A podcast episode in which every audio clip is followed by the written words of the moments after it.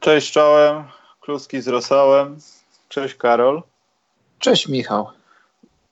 Nie wiem jak mam zacząć ten program, bo miało być tak radośnie. Chciałem powiadać, poopowiadać o tym, jak ciepło przyjęła mnie ekipa Marcina Gortata na kampie w Warszawie. O tym też chciałbym pogadać. Ale no, stała się niefajna rzecz. Znaczy nic strasznego, znaczy strasznego, no bolesna rzecz. No niestety nasz y, od niedawna w zasadzie kolega podcastowy Kacpa złamał był sobie nogę na tym kampie.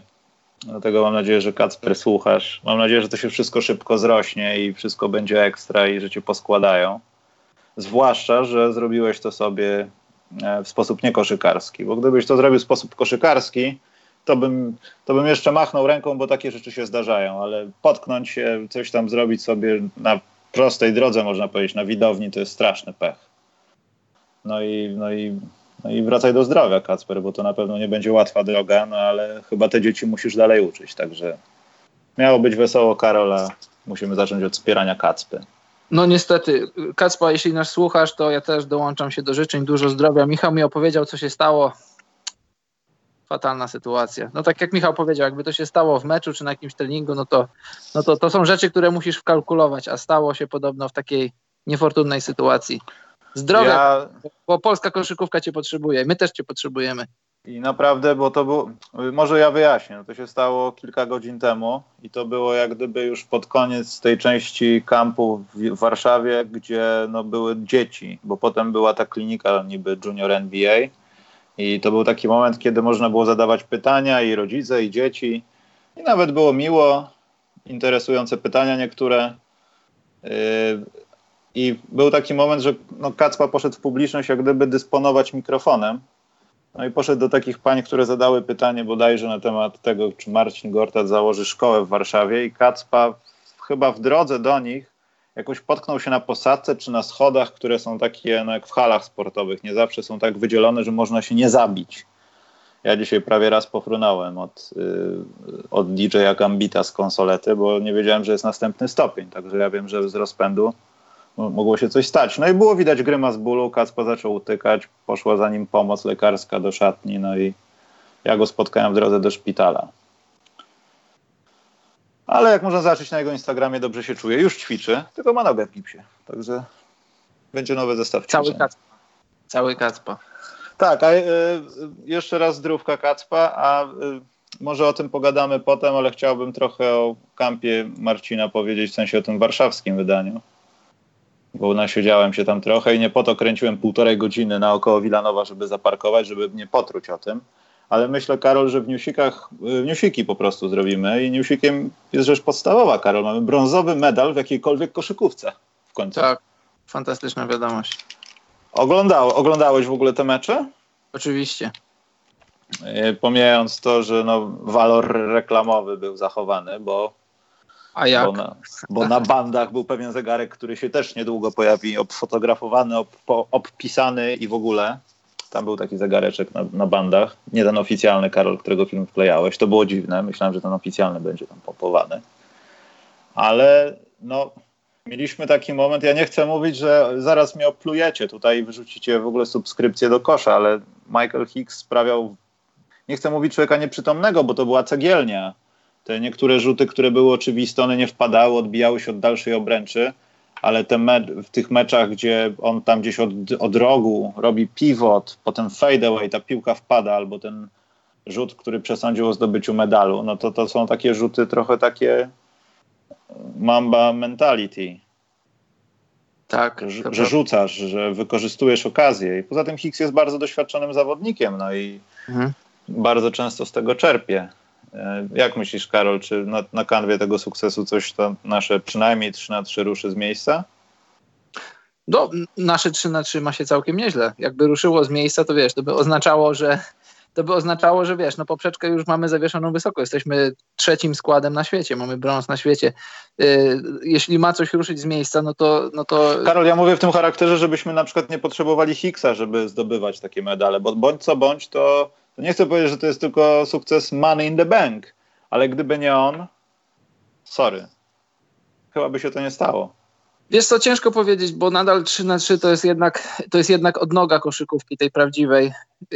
Nadal, to, to wiesz, ważna odnoga, odnoga, która będzie, będzie reprezentowana na Igrzyskach Olimpijskich. No ale nadal tylko, znaczy mówię tylko, nie chcę powiedzieć, że za mało, ale to, to jest nadal tylko odmiana tej, tej dużej koszykówki.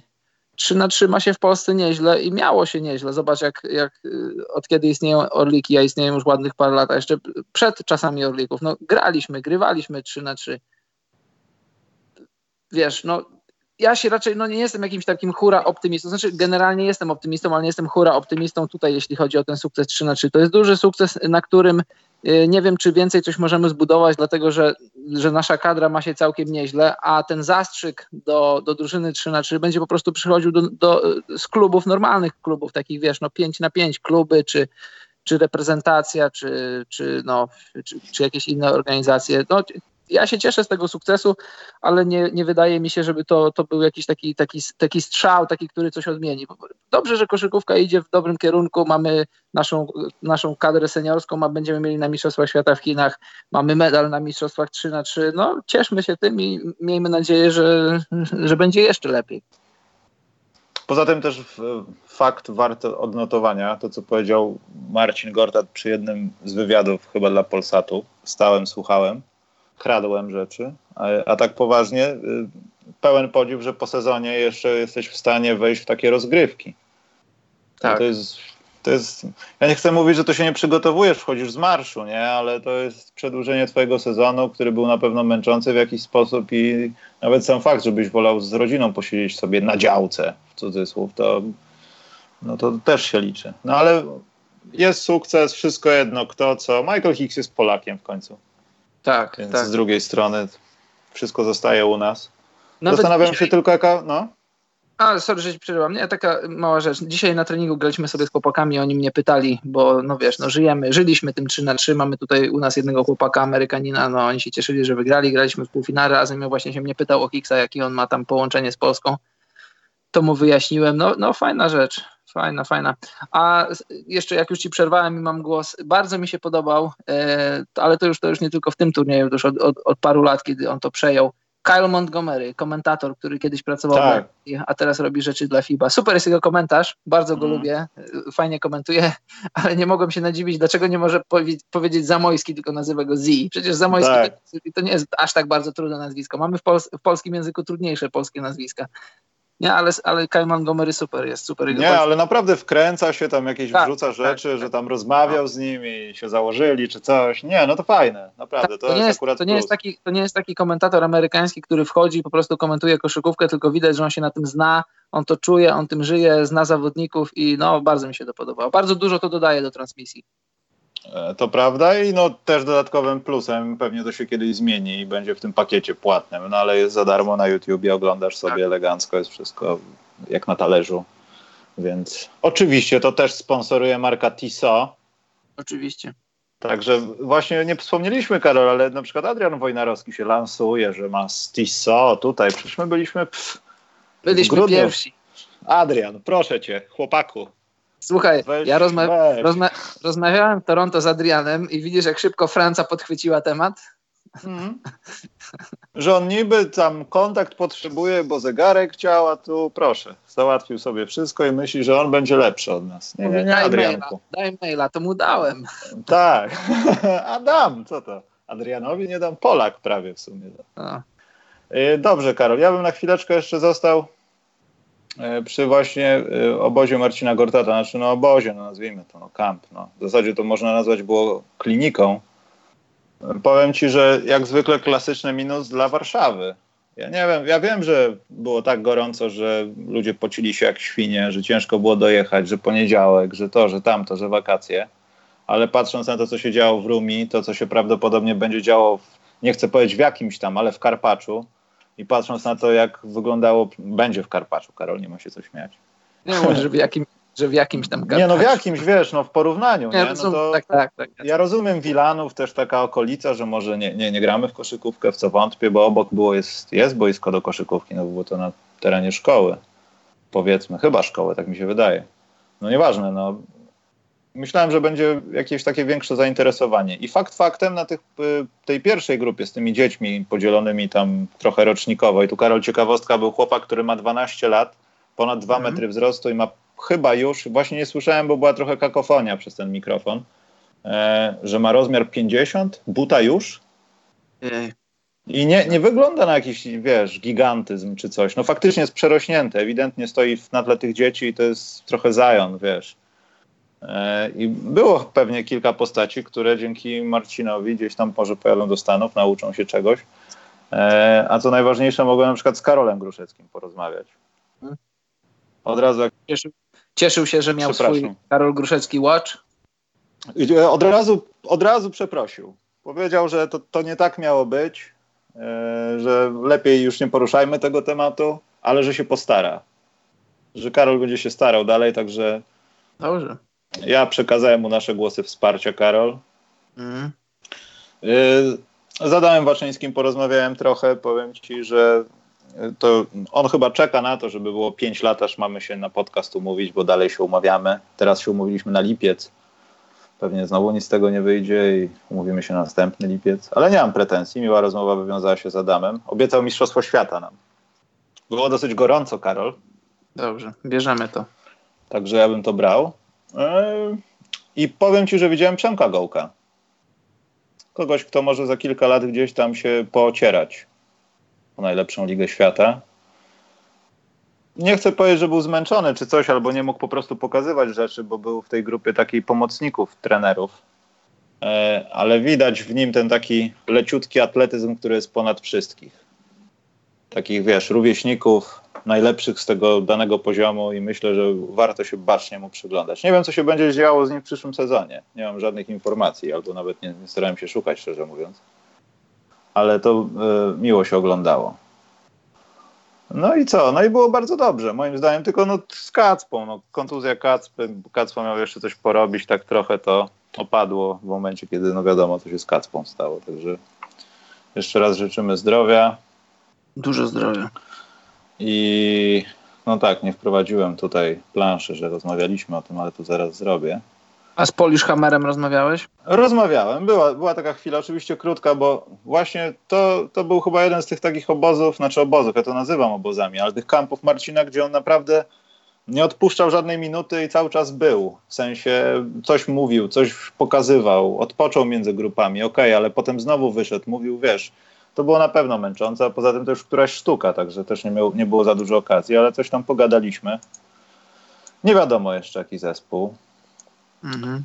Patrząc na to, jakie. Ja wiem o tym, że te media może były dlatego bardziej skupione, bo w Warszawie to było, ale nie to, że specjalnie, ale zdarzyło mi się gdzieś podsłuchać kilka rozmów takich e, pytań do Marcina z takiej czy innej stacji. No i te pytania.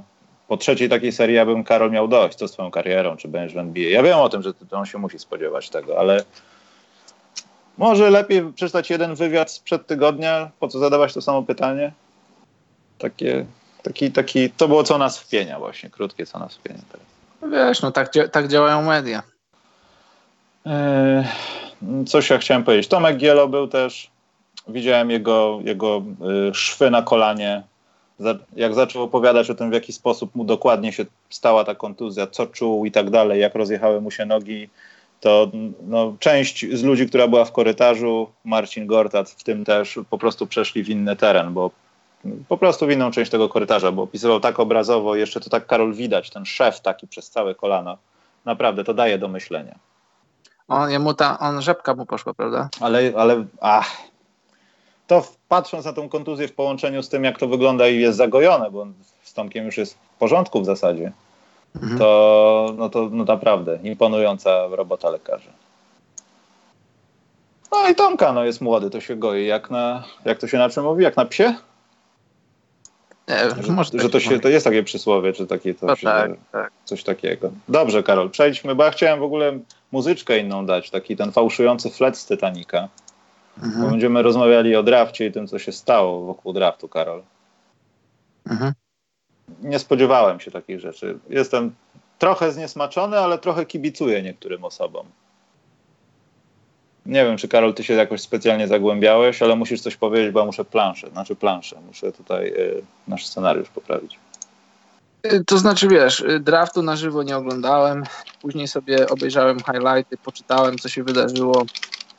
Y, ja NCA nie śledzę, więc nie mam swojego własnego zdania, bazuję na tym, co ludzie mówią, co ludzie piszą. To też mam przeczytane i mam jakiś obraz tych zawodników, którzy przystąpią, to znaczy przystąpią, no będą grali w przyszłym sezonie w NBA. No ale będę to musiał skonfrontować z własnym, z własnym testem oka, to dopiero, to dopiero najbliżej w Summer League, a Summer League raczej nie oglądam.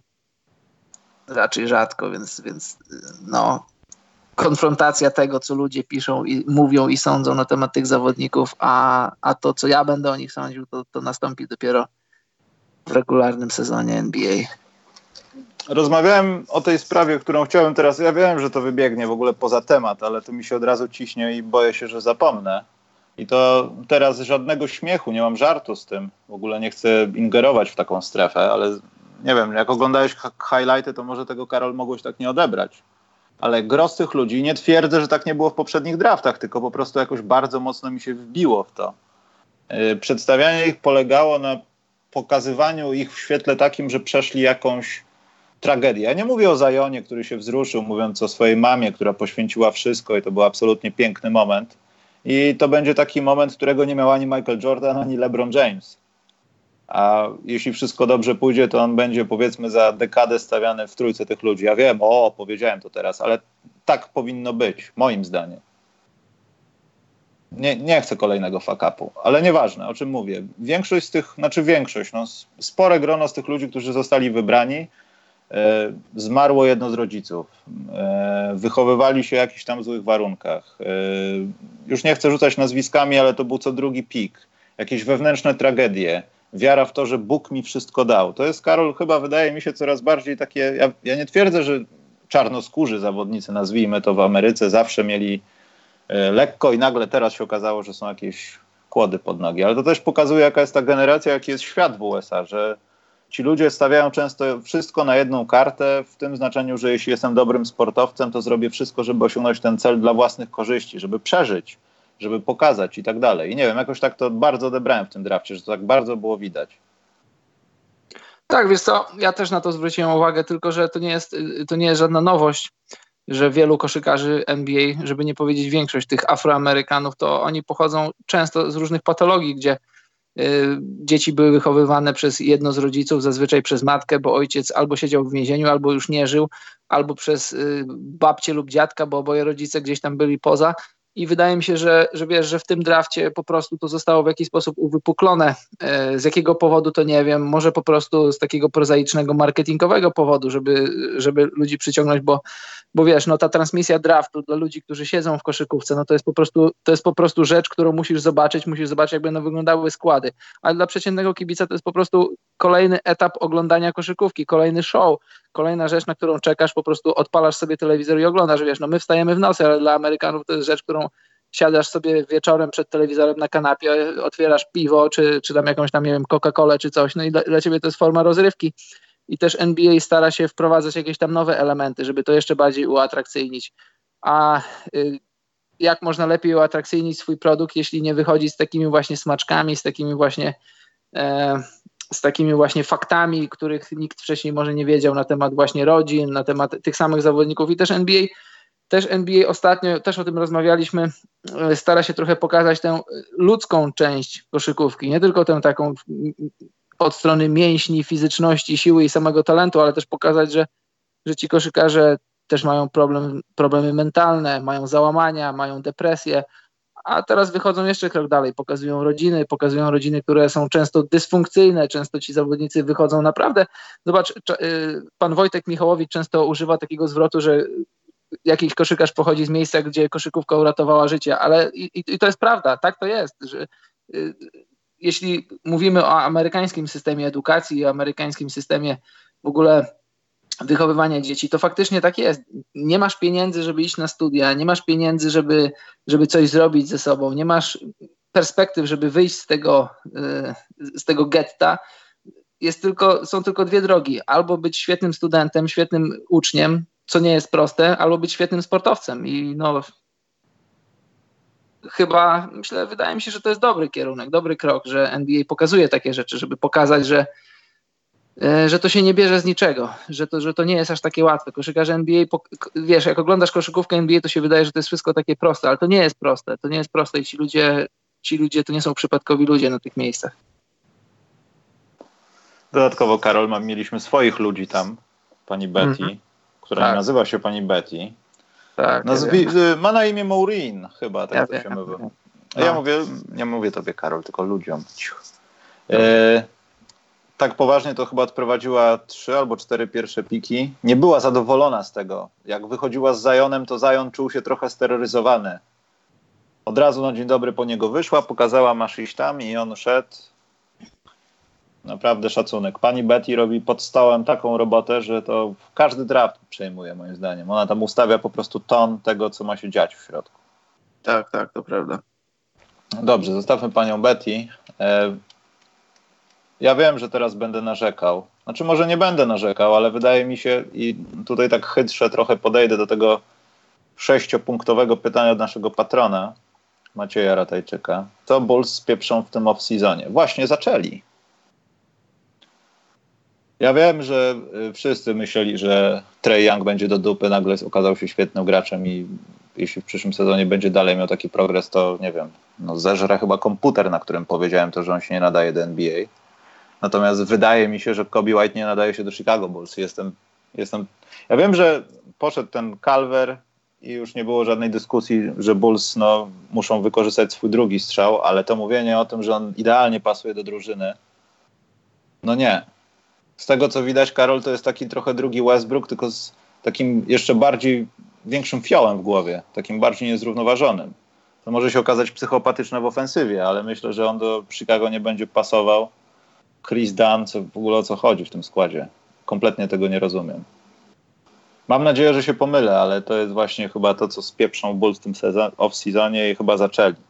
No, ciężko powiedzieć, słuchaj, no ja jak no, kolejny raz powtarzam, nie oglądam NCAA, ale na tyle, co o nim przeczytałem i co widziałem jego highlighty, to może po prostu tak być, że, że on po prostu będzie lepszy od, od, i od Dana, i od Lawina i się okaże, i obaj okażą się zbędni i powiedzmy Bulls pograją nim 3-4 y, miesiące i potem poszukają albo wymiany z Danem, albo wymiany z Lawinem i oddadzą pałeczkę jemu. Ale Karol, no nie, nie wiem, może ja to tak tylko widzę, ale wydaje mi się, że Chicago jest w tym składzie, jeśli nie zdecydowali się, żeby popchnąć gdzieś lawina, wykorzystać jakąś okazję i twierdzą, że oni nawet nie szukali, to wszystko to plotki, to w takim układzie powinieneś skupić się może na wyciągnięciu kogoś lepszego, wszystko jedno z jakiej pozycji, a jednocześnie kupieniu kogoś na pozycję numer jeden. Bo ty będziesz czekał ewentualnie na rozwój Kobiego White'a. On ci od pierwszego sezonu nie wyprodukuje po 50 punktów. No. Teraz pewnie okaże się, że w listopadzie będzie tak robił. No wiesz, ale pytanie, czy Bullsom się gdzieś spieszy, czy oni, yy, z jakimi oczekiwaniami oni podjadą do tego sezonu, bo ja nie sądzę, nie sądzę, żeby, żeby playoffy były ich celem na ten moment, na ten sezon. Kolejna rzecz, Memphis Grizzlies. Tam ktoś bardzo dobrze. Ja też na tej zasadzie, co ty powiedziałeś, Kobe White, to ja Brandona Clarka też tak obserwowałem. I wydaje się, że on z, Jarenem, z Jaretem Jacksonem no i Jamoran, jeśli będzie taki sam, jak ma być, to Grizzlies chyba okradli najbardziej ten draft. Tak dla swoich celów, wiesz, patrząc na to, jak wyglądała no, wymiana i to wszystko, że już koniec tej pewnej ery i trzeba coś od nowa zbudować. To chyba jest właśnie ten moment, kiedy Grizzlies sobie kupili, znaczy kupili, wybrali kilka kart, które będą, myślę, bardzo istotne w tym, kim mają być ci Grizzlies 2-0, no bo tak można ich nazwać w zasadzie teraz. No, może tak być. Zobacz, masz, masz Jamoranta na miejsce Conleya, masz Jelena Jacksona na miejsce czy Zibo, czy, czy Gasola. Kto wie, może to, jest, może to jest nowa era, nowa era czegoś, co, co będzie kontynuacją tego, co było, co było kiedyś. Memphis, Memphis to jest właśnie taki klub, takie miejsce. Tennessee, wiesz, Tennessee to jest, ludzi, to jest, to jest stan ludzi ciężkiej pracy. Tam nikt nie dostaje nic za darmo, to już jest takie trochę, no nie trochę, to już jest amerykańskie południe, takie no tam się lubi takie drużyny, tam się lubi takie historie. I jeżeli, jeżeli to miałaby być kontynuacja tych starych, dobrych Memphis, to dlaczego nie? E, właśnie jeszcze w tej wymianie, bo tam Grizzlies wymienili się z Oklahomą. Ja to wiem, że to może kompletnie nic z tego nie być, ale Oklahoma, wymieniając się pikami, już nie pamiętam, przeszedłem do innego okna, także tam chyba było 20, 23 albo 21, 23, jakoś tak się zamienili. 21 tam, chyba, tak. Chyba jakoś tak, tak, jakoś Darius Bazley trafił do Oklahomy. Nie chciałbym się zawieść, może trafił w złe otoczenie, gdzie może nie za specjalnie będzie mógł się rozwijać, ale pan stażysta może będzie jakimś takim kimś, kto najbardziej zaskoczy z tych dalszych pików. Bo w zasadzie chyba tam patrzyłem na te moki, to część osób się spodziewała, że to będzie ciut za loterią, może gdzieś loteria, chociaż potem on też spadał. Ja to trzymam za niego kciuki, Karol.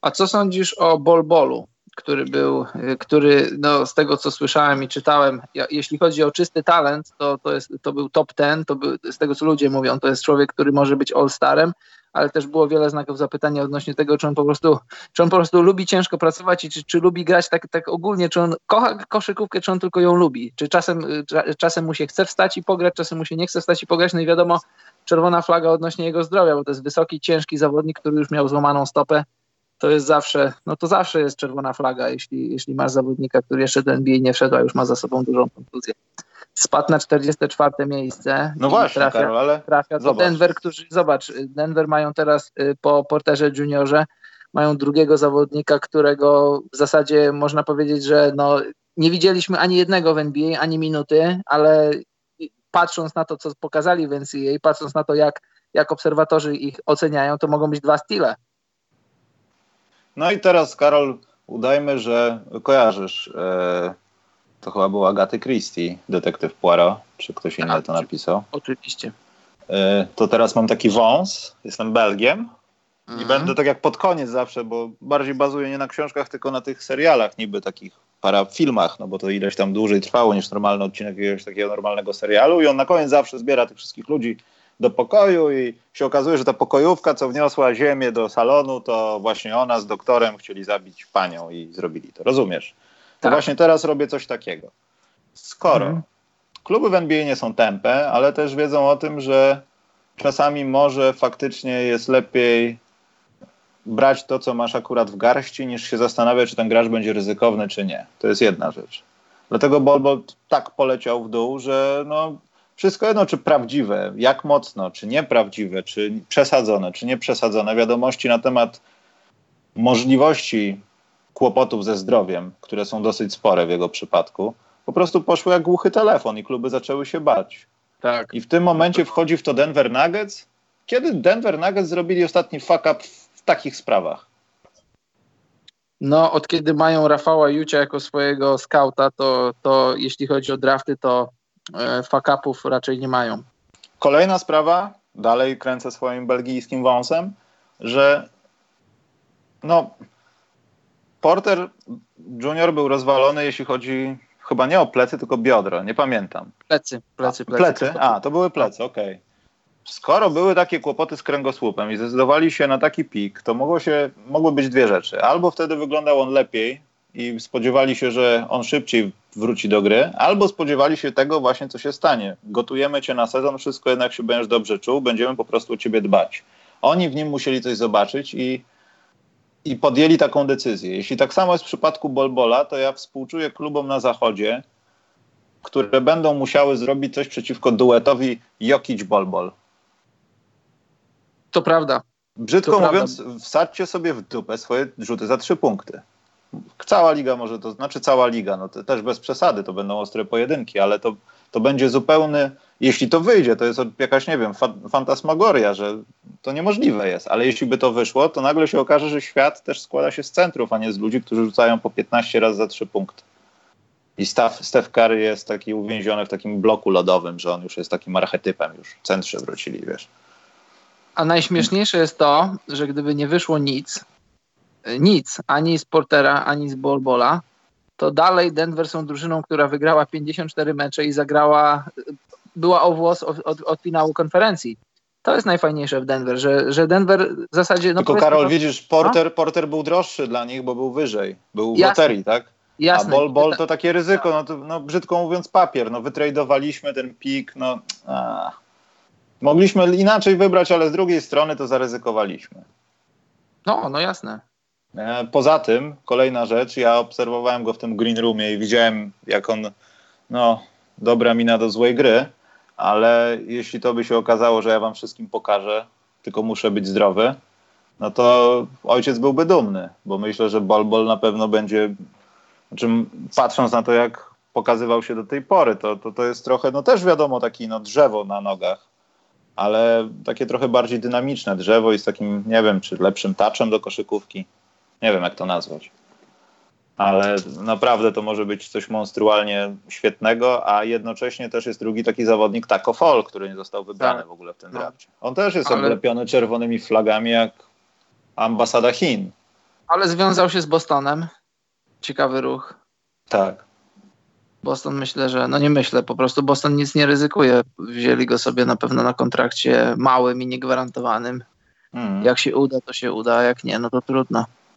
E, małą rzecz sobie taką wynotowałem.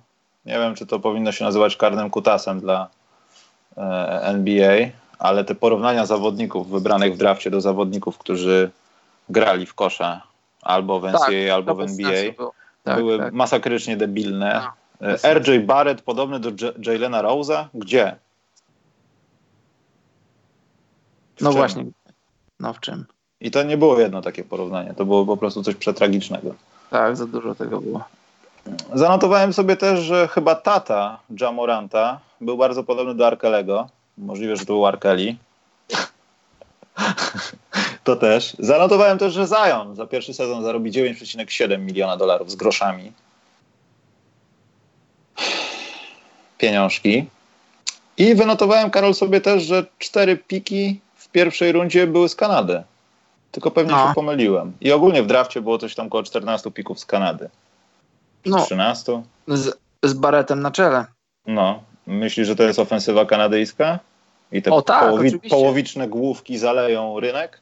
Y, słuchaj, połowiczne główki, e, one, one, one dopiero zaczynają swój szturm. W Kanadzie, w Kanadzie, tak jak ci mówiłem, wam mówiłem, słuchaczom, koszykówka idzie naprawdę do przodu, jest, je, wdziera się z podziemia na salony i to, to już się dzieje. To był, to był Vince Carter efekt, a teraz jest efekt mistrzostwa. Podejrzewam, że też będzie efekt y, kadry, która zagra w Chinach. No, no no co, no koszykówka idzie do przodu w Kanadzie i też teraz już zawodnicy w NBA z Kanady to już nie jest żadna, żadna, y, żadna nowość, żadna egzotyka. No, oni będą teraz regularnie napływać. To się, to, się, to się będzie działo, to się dzieje i będzie się działo. Wynotowałem sobie jeszcze jedną rzecz, że taki zawodnik jak Jordan Poole został wybrany przez Golden State Warriors i znowu ktoś tam może coś trochę ukradł. Tak mi się wydaje. Chociaż z Golden State nie wiadomo, kogo okradną, kiedy okradną i za ile okradną. A ja sobie zanotowałem taką jedną rzecz no. i jestem ciekawy twojej opinii, bo ja, wiesz co, ja, ja wierzę w takie rzeczy, takie rzeczy jak... E, w duchy. Jak skro, no, duchy też. E, taka, takie rzeczy jak skromność, jak, jak bycie takim zawodnikiem, takim, no takim bliskim, jak to się mówi tak po polsku, że tak twardo stąpającym po ziemi, E, I jeśli czegoś nie osiągnąłeś w życiu, czegoś nie wygrałeś, to nie powinieneś zachowywać się e, trochę ponad to, kim jesteś, co reprezentujesz. A co chcę powiedzieć? Chcę powiedzieć, że Bol Bol, który nie grał jeszcze w NBA, przyszedł w garniturze za 100 tysięcy dolarów, podczas gdy. gdy, gdy garniturze, dobrze to opisałeś. Tak, gdy średnie zarobki w G-League to jest, to jest około 30-35 tysięcy dolarów. I tutaj, tutaj wiesz, ja Bolbola nie znam, może, może, może gdybym go poznał osobiście, to, to bym zmienił. Znaczy, ja jeszcze nie mam żadnego zdania na jego temat, ale po prostu zabrakło mi trochę, trochę skromności ze strony Bolbola.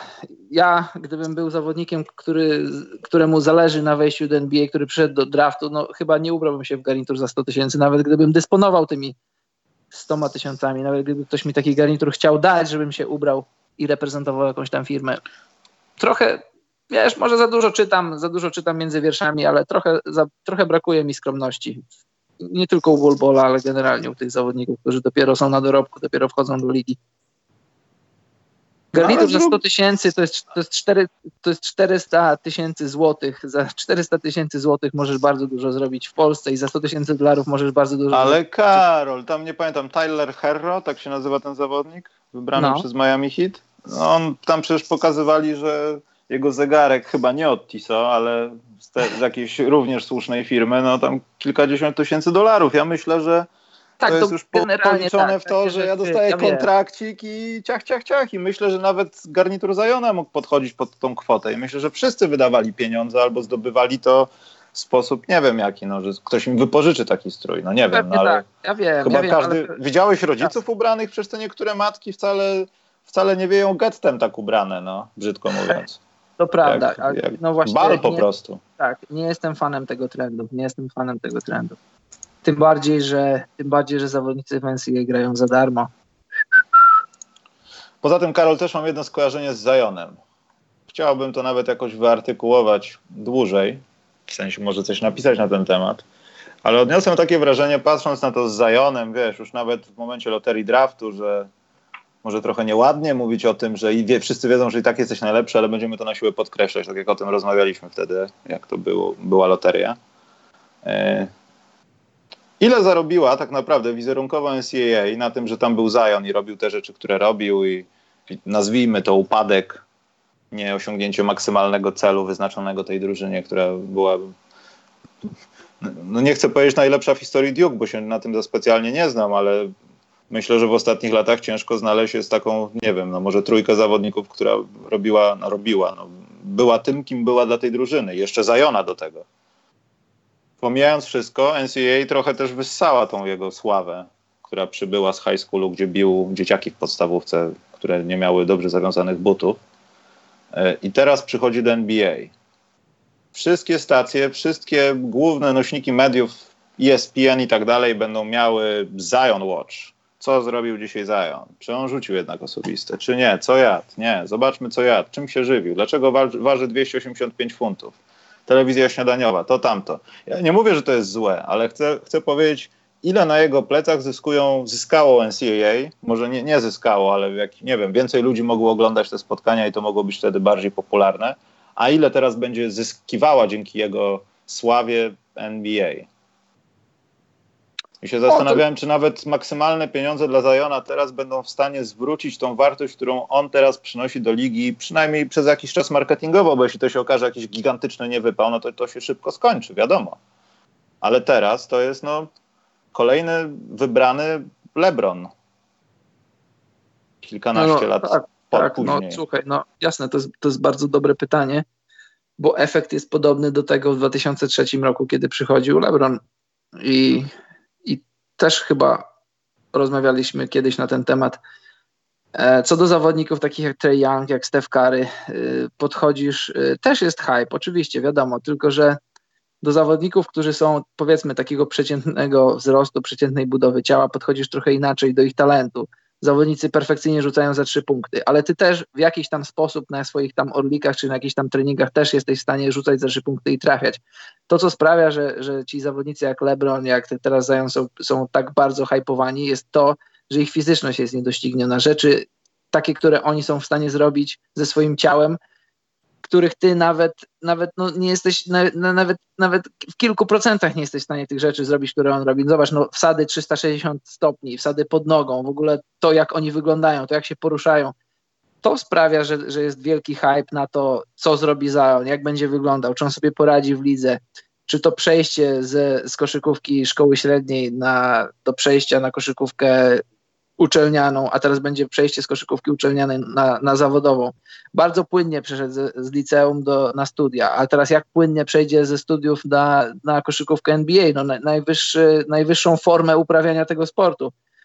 Ja jestem, też, ja jestem też bardzo ciekaw, tak jak i tysiące, żeby nie powiedzieć miliony kibiców, no bo, no bo jednak masz trochę tych znaków zapytania. Zion nie przychodzi jako taki full package, który ci da wszystko, i kozioł, i, i podanie, i rzut. Wiadomo, że Zion ma swoje ograniczenia, ale patrząc na niego nie patrzysz na te ograniczenia, czekasz co on zrobi fizycznie, nad kim zrobi swój pierwszy sad, nad kim zbierze piłkę tak, że, że wiesz, że on będzie miał, on będzie miał, y, on będzie miał głowę tam, gdzie ktoś będzie miał y, końcówki palców. Na takie rzeczy czekamy i dlatego nie możemy się doczekać i dlatego wydaje mi się, że jeżeli nie będzie niewypałem, a, a raczej w to wątpię, bo nawet jeżeli nie będzie tym drugim Lebronem, tym drugim nie wiadomo kim, to będzie kimś w tej lidze przez samą swoją fizyczność. Dlatego tak hmm. na to czekamy.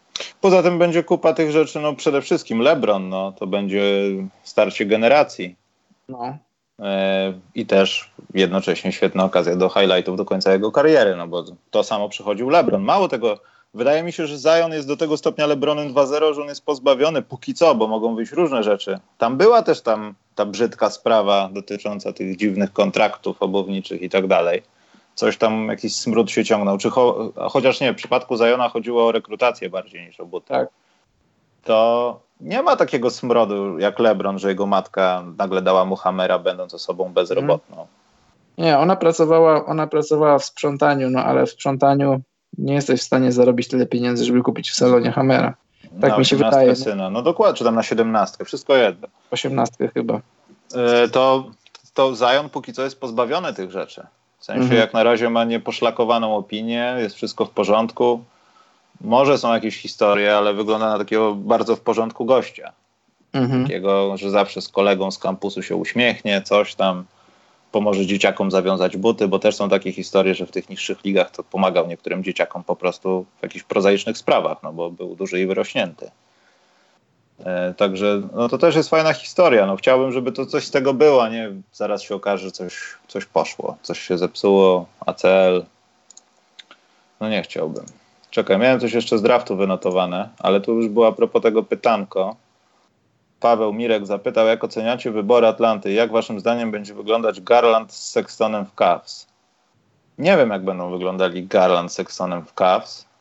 Przede wszystkim Mam... obaj są niscy i to jest to jest. E, mm, ale patrz na Portland, to może da się jeszcze tam pogodzić, ale co ze zdrowiem Garlanda, bo on też nie miał czystej karty chorobowej. No, to, to ale... może być największy znak zapytania. Ale tutaj no. myślę, że może dojść do po prostu lockjamu, no bo co by nie mówić, Garland chyba tak, a Sexton na pewno to są ludzie, którzy są nastawieni na punkty. Tak, a nie tak. na prowadzenie gry. Zresztą z kim tam prowadzić grę? Z Kevinem Love i z jego torbą na treningi? No, Cavs na pewno spróbują, czy ten eksperyment się uda. Jak się nie uda, to z, z którym z nich się pożegnają. Jak wybierasz już z tym, z tym pikiem, który, który Cavs mieli, e, który Cavs mieli pik? Piąty, chyba piąty z tego co pamiętam, e, no to jeżeli, jeżeli, jeżeli w drafcie są ludzie o, o wielkim talencie, o wielkim potencjale, to po prostu bierzesz najlepszego dostępnego w danym momencie. Ale jeżeli idziesz już dalej E, no to, to po prostu bierzesz kto jest, czy, czy, czy, bierzesz zawodnika na tej samej pozycji, no to mówi się trudno. Albo spróbujesz nim, nimi oboma grać, albo któregoś z nich wytransferujesz. Już, już, w dalszej części draftu, jeśli draft nie jest super silny, to po prostu bierzesz, bierzesz tego, kogo możesz wybrać. Eee, Karol, poczekaj, bo ja o tej Atlancie, to tak już zamykając ten draft, no to też nie mówiliśmy, ale Atlanta zrobiła dobrą robotę, znaczy dobrą robotę. Ten, to, to sięgnięcie po ten czwarty pik, mhm. to ja nie wiem, czy. Ja wie, wiem o tym, że te dyskusje wokół czwartego piku, tam było pewnie kilku jakichś tam innych kontrahentów, którzy mogli tego dokonać, ale Hawks powoli, powoli zaczynają wkurzać połowę ligi tymi swoimi ruchami. Wiesz, Trey Young miał nic z tego nie być, teraz jest to tutaj. I to mi się bardzo podoba. Naprawdę to jest jeden z tych plusów właśnie draftowych. A to, kogo wybrali, no ja nie wiem. Ja też stoję, Karol, przed podobnym wyborem, bo mam czwarty pik w drafcie w lidze dynastycznej. I też mhm. będę w takim miejscu właśnie jak, jak Hawks.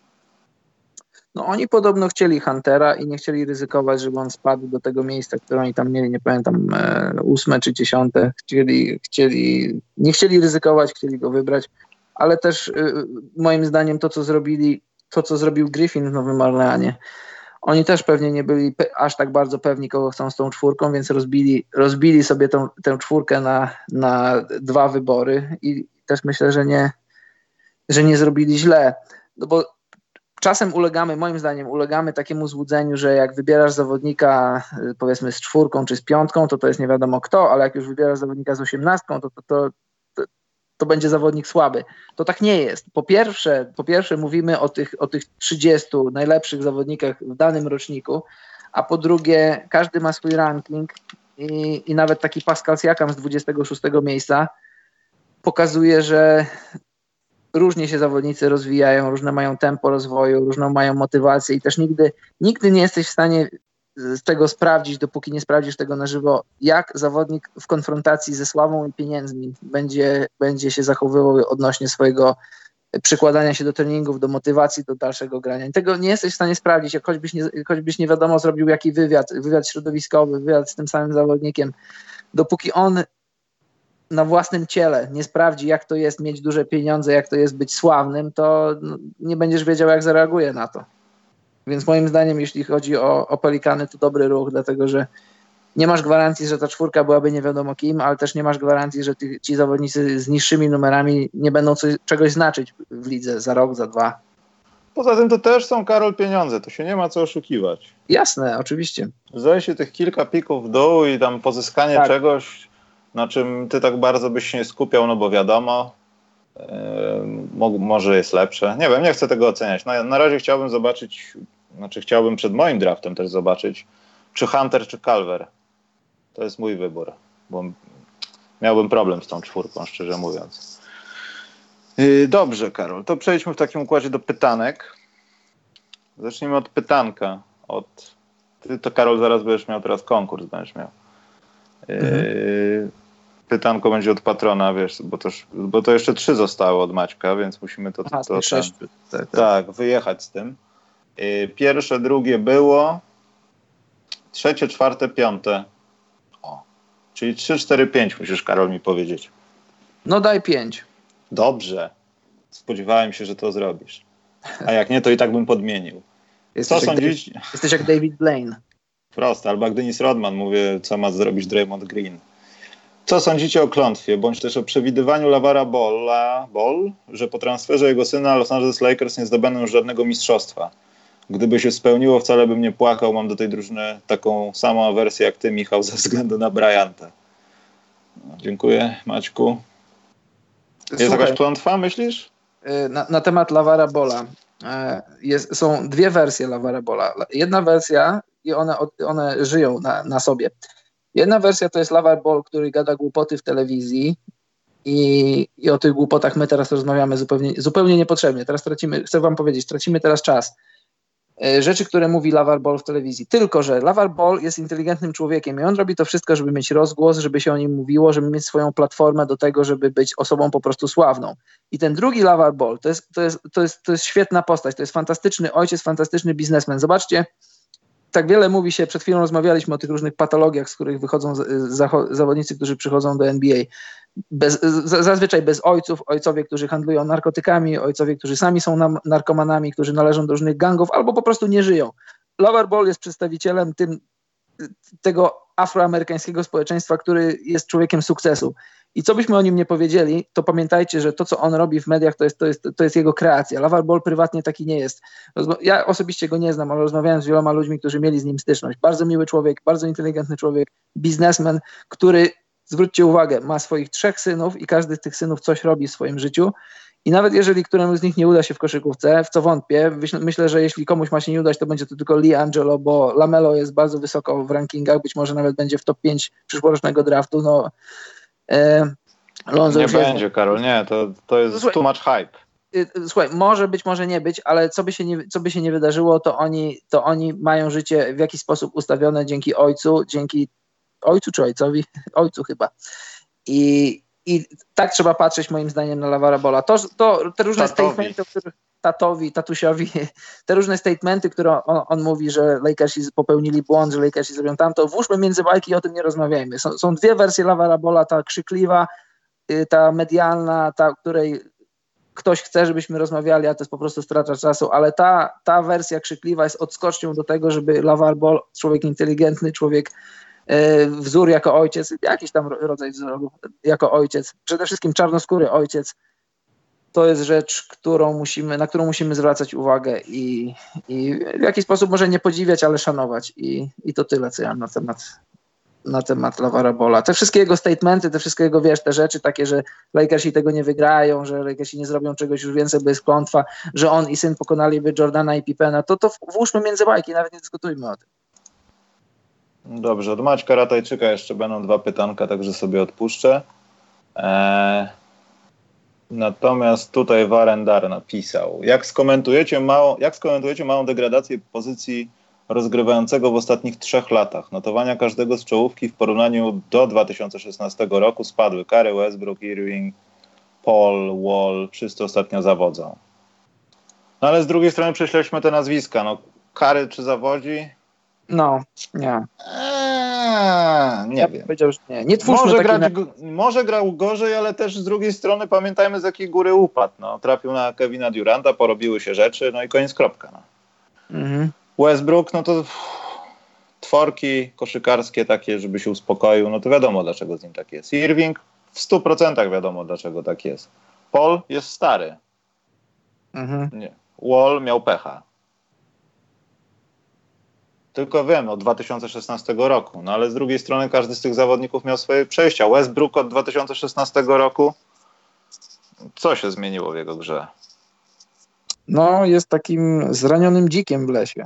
Ale Zraniony tylko dzik- intensywniej. Intensywniej y, jak gdyby y, krwawi. Nie wiem jak się w języku myśliwych nazywa. Jucha chyba taka krew. Tak, chyba Więc tak, on zostawia tropy y, z Tak. krwi swojej w ten sposób, ale są i coraz intensywniejsze. No, Irving, ja- moim zdaniem to jest Irving, to jest taka sierotka, która szuka dobrej rodziny zastępczej. Z każdej póki co była niezadowolona. Mhm. W każdej bili, znieważali coś, a, albo po prostu nie miałem swojego pokoju, a teraz Nie przytulali za bardzo. Tak, Co dokładnie. Czy bić dzieci? Właśnie jest Karol dyskusja w Polsce teraz o klapsach. Wiem, A wiem. propos, wiesz. Także czy bić dzieci? Oczywiście, Pytanie- że bić. Nie czy bić, tylko czym Czym? Powinna być dyskusja. Kablem od Ja się, żelazka. tak, zgadzam się z tobą, że ja bym powiedział, że, że pozycja rozgrywającego w NBA ma się nadal dobrze, a to akurat tak się złożyło, że te topowe nazwiska, o których rozmawiamy, mają tam jakieś swoje przypadki, ale to raczej nie rzutuje na, na całej pozycji rozgrywającego, bo nadal NBA stoi y, graczami obwodowymi, a poza tym poza tym ta dzisiejsza koszykówka, ta koszykówka bez pozycji e, raczej faworyzuje takich zawodników właśnie jak Janis, jak Kawhi, zawodników takich powiedzmy, takich swingmenów na skrzydle, takich zawodników takich e, 2 metry 2, 2 metry 5, takich, którzy mo- mogą biegać, pozować, rzucać, switchować w obronie. To jest, to jest NBA naszych czasów. Karol, jest aktualizacja. Przede wszystkim to ja z poprzedniego odcinka mam e, ten e, dług do wyrównania, bo ja pokoziołkowałem strasznie z nazwiskiem jednego z naszych patronów. Chodzi o Adama Parfieniuka. Dobrze, Adam teraz jest, tak? I Adam właśnie napisał na czacie, że krew po myśliwskiemu to farba. Dobrze. Bardzo dziękujemy za tą e, informację. Daszbur. e, Maciej Szetela pytał, tylko chyba tu chodzi o Irvinga, tak? Tak. Czy Leonarda? Nie wiem, bo to jest I czy L? To jest I, to jest Kyrie. Czyli Kyrie i KD w Nets. Ile procent stawiacie na taki scenariusz? Z pół? Czemu pół? Ja bym dał więcej niż. Ja bym dał. No. Ja dałbym 50%. Ja bym powiedział pół na pół, że to się może. ja dałbym 100% na kogoś z tej pary, ale pół procent na to, że będą razem.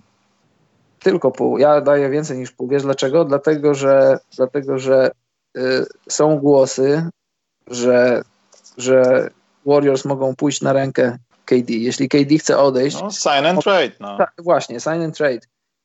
I niegłupią inwestycją Nets byłoby po prostu e, zbunkrowanie sobie KD na ten rok. On ten rok straci, to wiemy, ale on już będzie zawodnikiem Nets. On już będzie, on już będzie z tą drużyną w tym systemie, będzie się tam sobie, będzie się leczył i rehabilitował, podczas gdy swój one-man show będzie miał Kyrie, czekając na KD. E, nie, nie zszokowałbym się, gdyby to się udało wiesz, to, to jest e, mało prawdopodobne, ale myślę, że jest bardziej prawdopodobne niż pół procenta. To jest, to, jest, to jest do wykonania, jest to do wykonania.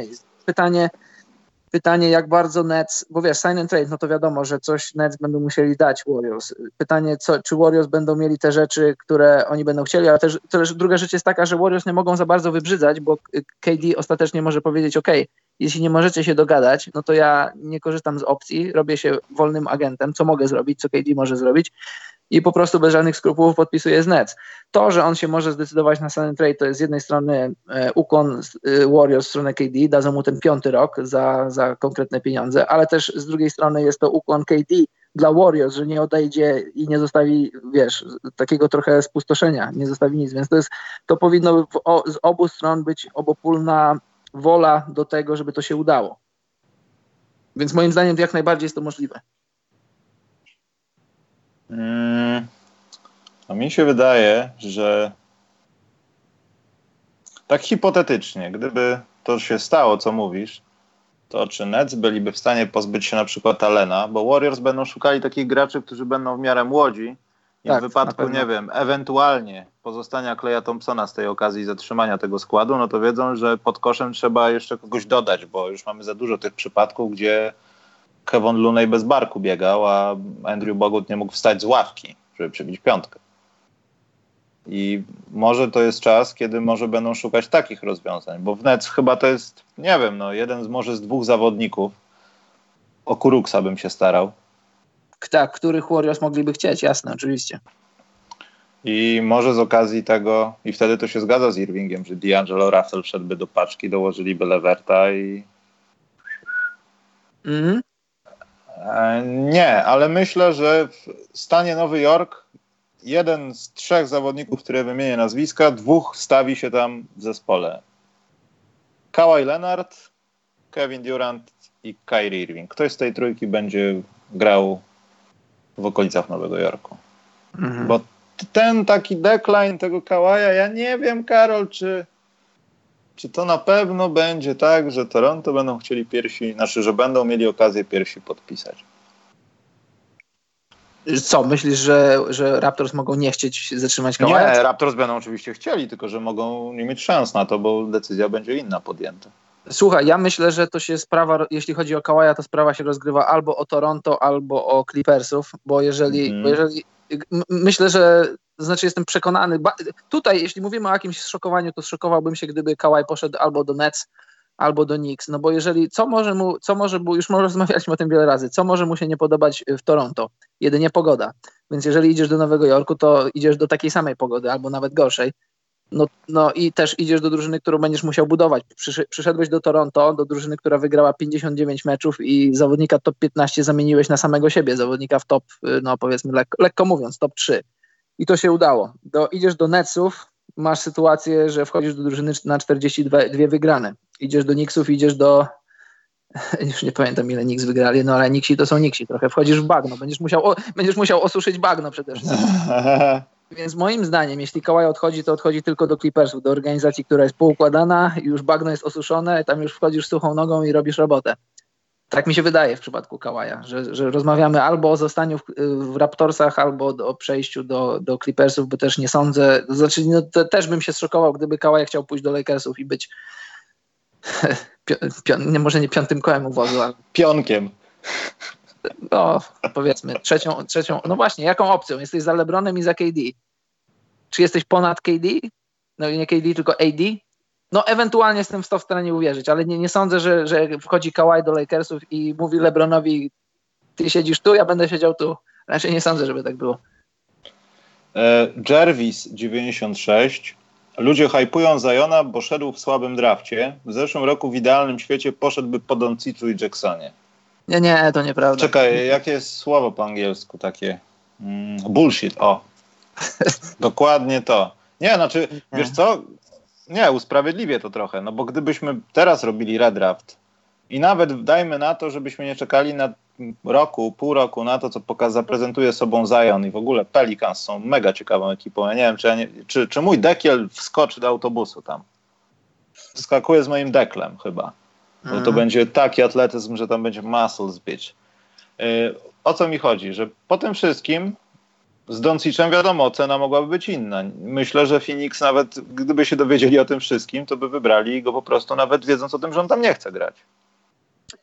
A ja bym DeAndre powiedział, Ayton że... spadłby gdzieś na trzecie miejsce może, gdybyśmy wszystko wiedzieli po tym sezonie. A ja bym powiedział, jeśli chodzi o Phoenix, no bo gdybyśmy zrobili red draft wiedząc to, co wiemy, no to wiadomo, ale jeśli chodzi o samych Phoenix i samego Doncicza, to gdyby gdyby pan właściciel serwer nie, ma, nie maczał swoich rąk y, w, w proces draftowania, to byśmy widzieli Doncicia Phoenix, bo, bo podobno EGM i no wiadomo, Kokoszkow miał, no Kokoszkow chciał Doncicia, ale była presja, żeby, żeby wybrać Ejtona, człowieka z Arizony i no i to, to się stało. I żeby A... też usprawiedliwić Jervisa, no to trzeba powiedzieć, że no co by nie mówić, Doncic jest bardziej kompletnym zawodnikiem niż Zion. Zion ma tylko jedną rzecz, ale ta rzecz jest monstrualnie wielka na tle reszty. Tak. Szybkość, no, też... siła fizyczna, atletyzm, no. to co Bozia mu dała i siłownia. No, ale też wracając do tego pytania, y, to, że jest hype na Zajona, to nie dlatego, że, że on aż tak bardzo odstaje od tej stawki, która jest w tym roku i gdyby był wybrany w zeszłym roku. Słuchaj, gdyby był wybrany w zeszłym roku, może nie byłby ponad Doncicem, ja uważam, że Doncic jest lepszym zawodnikiem i wydaje mi się, że jeśli miałbyś stawiać pieniądze na to, kto będzie miał lepszą karierę, to moim zdaniem pewniejszym zakładem byłoby postawienie na Doncicza. Tak mi się wydaje na ten moment, ale też y, z racji samej fizyczności, o której mówiłem wcześniej, też byłby hype na, też byłby hype na Zajona, gdyby w zeszłym roku przystępował do draftu. Wiadomo, że ten hype trochę by się rozłożył i na Doncicza, i na Younga, i na niego, ale nadal by był z racji tej samej fizyczności, która jest po prostu, to jest kosmiczna fizyczność. Ja miałem, mam kolegę, który do mnie pisał w zeszłym tygodniu, był w Los Angeles, e, no po prostu na wakacjach i widział, widział Zajona z bliska w jakimś sklepie i powiedział, że to jest, e, on sam jest wysoki, bo sam grał w koszykówkę, ale widzieć Zajona... Zaraz, dlaczego powiedziałeś, że jest wysoki, bo grał w koszykówkę? To co? Tak, nie, mój kolega, który był na wakacjach w Los Angeles, e, też jest wysoki, bo może jedno z drugiego nie wynika, nie, że ten, no ale po prostu no jest wysoki, grał kiedyś w koszykówkę. I, i, i no miał okazję być z bliska przy Zajonie i powiedział, że fizycznie ten człowiek robi niesamowite wrażenie. Tyle. No, śmiem się nawet nie dyskutować, śmiem nie dyskutować nawet na ten temat, bo podejrzewam, że tak jest. Yy, Dade Zgadzacie się, że następny sezon zapowiada się najciekawiej od co najmniej pięciu lat? Wiesz, że każdy sezon taki jest od co najmniej pięciu lat?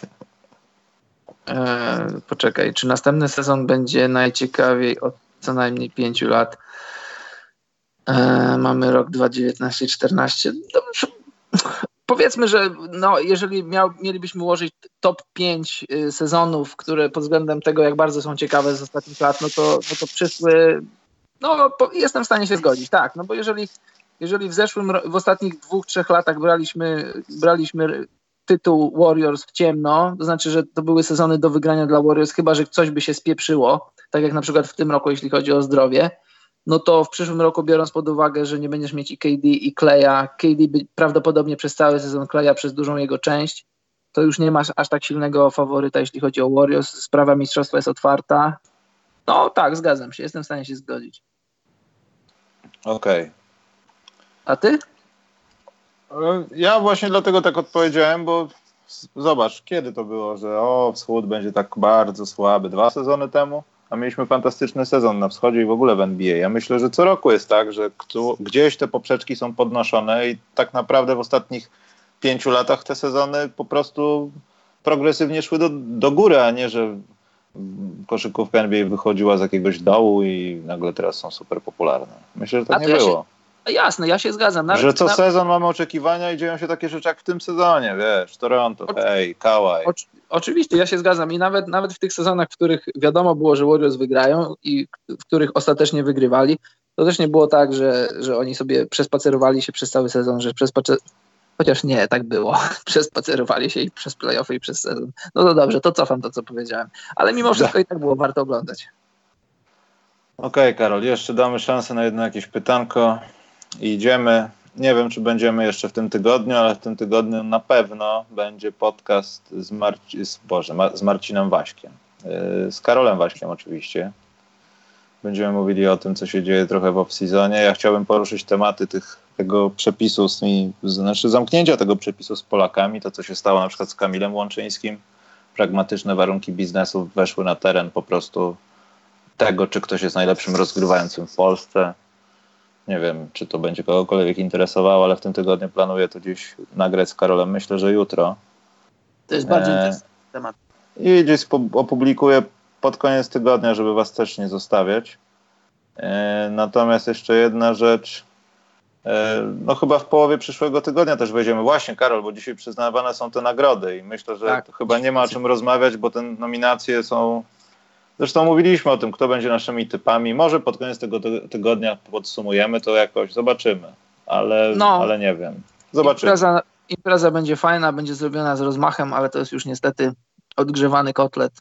Chciałbym, żeby, żeby Adam Silver o, wsłuchał się w głos i kibiców, i dziennikarzy, i żeby zrobić to po prostu, żeby popracować nad timingiem tej imprezy, bo co do imprezy, to ja nie mam zastrzeżeń. To jest impreza na kształt Oscarów. Jeśli zawodnicy tego pragną, to niech to mają. Jeśli mają ambicje, żeby, żeby w jakiś tam sposób e, nawiązać do tej imprezy Oscarowej, no to niech to mają, tylko niech będzie trochę inny tego timing. No, ja bym to zrobił no, w idealnym świecie, to by była jakaś taka tygodniowa przerwa między sezonem regularnym a playoffami nie wiem, czy od strony biznesowej jest to do zrobienia, ale no teraz to już jest taki troszkę no, odgrzewany, odgrzewany kotlet, chociaż, chociaż mam, mam zamrożone pieniądze na, na, kilku, na kilku zakładach, na przykład na, a nie będę mówił, no, no postawiłem na wygraną paru osób, trzymam kciuki, że to się wydarzy, między innymi na, na że będzie debiutantem roku i no, jutro no tak, będę... ale to wszystko dziś w nocy, także no nie wiem, no możliwe, że będziemy negocjować sprawę podsumowania tego. Może coś się ciekawego wydarzy w ogóle. Jak zresztą, jak widzicie, odliczamy już do Mistrzostw Świata. 67 dni do pierwszego spotkania. Pół mhm. godziny później grają Polacy bodajże z, z Chinami chyba. Chyba z Chinami zaczynamy. O 10, a to jest nastawione na 9.30, bo jest 8 godzin przesunięcia względem ich czasu, także. E, pytanko jest, Karol, od TWTX. Czy na ten moment w NBA mamy drużynę, która może nas ewidentnie zaskoczyć w przyszłym sezonie? Chodzi mi o sukces w playoffs, na przykład Mavs w drugiej rundzie. Jak najbardziej. Ja myślę, że to pytanie trochę jest pozbawione teraz sensu, bo my nie wiemy na, tak naprawdę, kto gdzie będzie grał. No, ale w związku z tym, że tego nie wiemy, to pytanie nabiera sensu, dlatego że zobacz, na przykład y, Dallas podpisują Ala Horforda i podpisują Kemba i nagle się stają kon kontenderem. No tak, ale jak podpiszą, to okej, okay, Karol, tylko że teraz możemy powiedzieć o takich drużynach, które są jednolite, bez względu na to, co tam sobie będą planowały i faktycznie MAF są gdzieś w takiej grupie, ale te transfery mogą naprawdę zakluczyć gdzieś tak, że odmienią nam się losy. No ale co dużo mówić? Ja wierzę, że Sacramento będzie jeszcze lepsze i będą się bić o playoffy w tym sezonie o szóste, siódme, ósme miejsce, a nie o dziewiąte, dziesiąte. Że może Nets, pomijając te wszystkie wymiany i coś, będą znaczyć więcej, jeszcze więcej niż w zeszłym sezonie. I trochę, troszeczkę, tylko troszeczkę wierzę w Utah Jazz, że pojawienie się Mike'a Conleya przynajmniej da taki jednosezonowy impuls, że oni coś naprawdę będą znaczyć w playoffach, a nie skończy się to jakimś rozmydleniem. No jak to się mówi, chrzczenie piwa. Za dużo wody w tym wszystkim było. To z takich pewniaków. No bo reszta, no to co Karol, no Lakersi? Co powiem o Lakersach? Że nie zdobędą tytułu w tym sezonie. To ja już teraz stawiam. Dobrze. A ty nie? Nie będziesz ze mną? Nie, nie wiem, musiałbym się zastanowić. Właśnie, bo ja sobie, Karol, zanotowałem osoba Grzegorz Gregory, która wygrała konkurs Ile zarobiliśmy na AdSense. Nie zgłosiła się do tej pory. Jeśli to nie nastąpi do setnego, zbliżającego się setnego odcinka, ta nagroda przychodzi do koła fortuny. Taka jest decyzja zarządu jednoosobowego, czyli mnie. Dobrze. Bartku pytał na szybko. W jednej klasie draftu macie zawodników wybieranych w ciągu, ostat... wybieranych w ciągu ostatnich pięciu latach. W ciągu ostatnich pięciu lat chyba. Kogo stawiacie w pierwszej trójce? To jest bardzo ciekawe pytanie. No, wiesz, ja musiałbym sobie przed oczami postawić tych ostatnich pięć draftów, bo... No, Karol, ja już to dla ciebie zrobię. Zrób. No Doncicza na pewno mam, jeśli chodzi o osta ostatni. Ale to nie za wcześnie? No, 2014 po, po, dajmy na to, bo liczymy roku, Zajonka. Tak, wiem, po roku, jego gry, którą widziałem, no już, już mam, już wybieram Doncicza. Pięć pierwszych pików, Karol? To ja ci będę czytał, jedziemy po draftach, 2014, nie? Pierwszych pięciu ci czytam. O. Boże, jest to nazwisko, którym jestem załamany.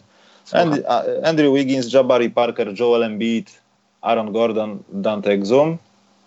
Aha.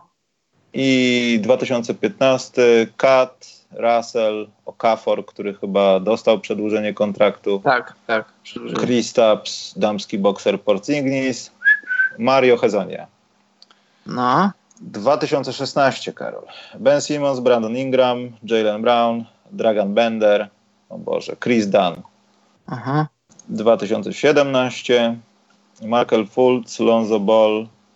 Jason Tatum, Josh Jackson, Darren Fox.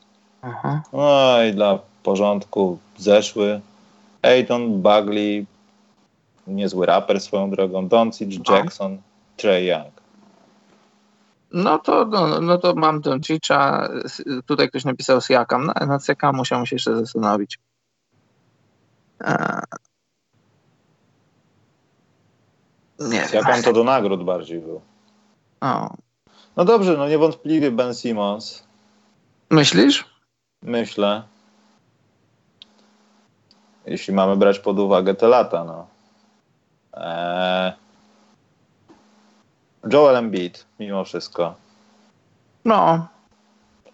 Zdrowy E, to jest. Plusik mały dla Arona Gordona, bo może to jest późny rozwojowiec. A może grał w drużynie do dupy i po prostu stwierdził, że on chce być sam lepszy. O Kristapsie nie wiem nic. Właśnie, co, co się stanie z Kristapsem? Chciałbym się dowiedzieć, Ja- ale Darren Fox może.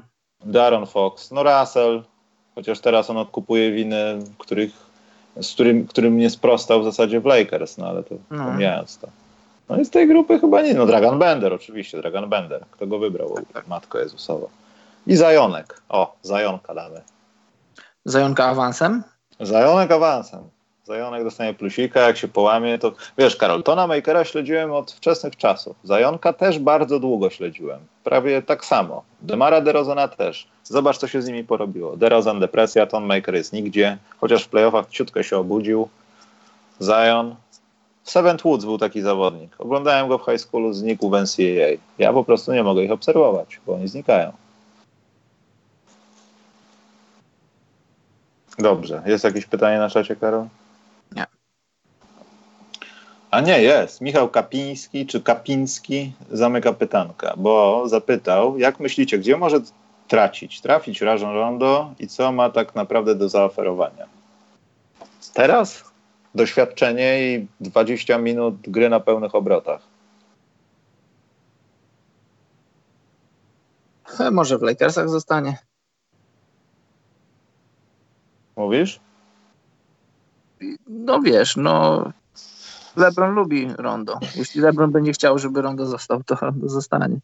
A Raczej kto nie. wie, czy jakaś drużyna, która ma w logo ptaka, w sensie, że zwierzę, nie? Tak, tak, rozumiem. E, e, nie będzie chciała doświadczonego rozgrywającego za kolejnym rozgrywającym i kolejnym rozgrywającym. Albo na przykład Houston Rockets z Chrisem, nie, Chris Paul nie będzie i Houston Rockets, Rajon Rondo, James Harden. Nie, nie, to nie zadziała. No, do jednego problematycznego w szatni i drugiego dokładasz trzeciego i jeszcze może Jimmy'ego Butlera. Ale wydaje mi się, że e, Rondo chyba będzie bardziej szukał opcji finansowych niż kontenderowych, bo to tak naprawdę jego Rondo doświadczenie może pomóc młodym, przebudowującym się drużynom na tej pozycji. No, może trochę on jest psychopatyczny i problematyczny, ale jeśli znajdzie No. sens w tym, co robi, no to jest okej.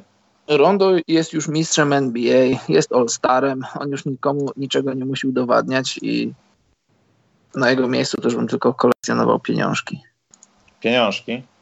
Tak. Bardzo dobrze, Karol, wspomniałeś o tym, bo będziemy kończyć już program i ja muszę powiedzieć, że mamy Patronite'a i Donate'y, skoro powiedziałeś pieniążki. Mamy też Facebooka i Instagramunia, więc możecie nas tam, prawda, złapać. Mhm. Karol będzie ten nagie foty wrzucał w off-season, żebyście tylko śledzili. Czyje? Nie wiem, czyjeś. Przecież No, nie swoje. ostatnio, ostatnio słuchacze byli tak aktywni jak, jak Brook Lopez na desce. No i tym suchym żartem przy temperaturze prawie 30 stopni, Karol, zakończymy ten podcast. Dzisiaj nagrody, nie będzie 30 żadnego live'a. Nie, no przesadziłem, ale czuję się trochę jakby było 30. Wilgotność jest sraka, jeśli mógłbym tak to nazwać. Także yy, no, damy wam znać, czy to będzie czwartek, może piątek, jeśli nie umrzemy od temperatury. U ciebie też upały, Karol, czy zelżało? 19. E, farciarz. Farciarz. No dobrze. Karol, to czas na twoją kwestię i znikamy. Trzymajcie się. Dobrze, mili Państwo, dziękujemy za dziś. Miejmy nadzieję, znaczy nie miejmy nadzieję, wiemy, że było ciekawie. Dziękujemy. Dobranoc, mili ludzie.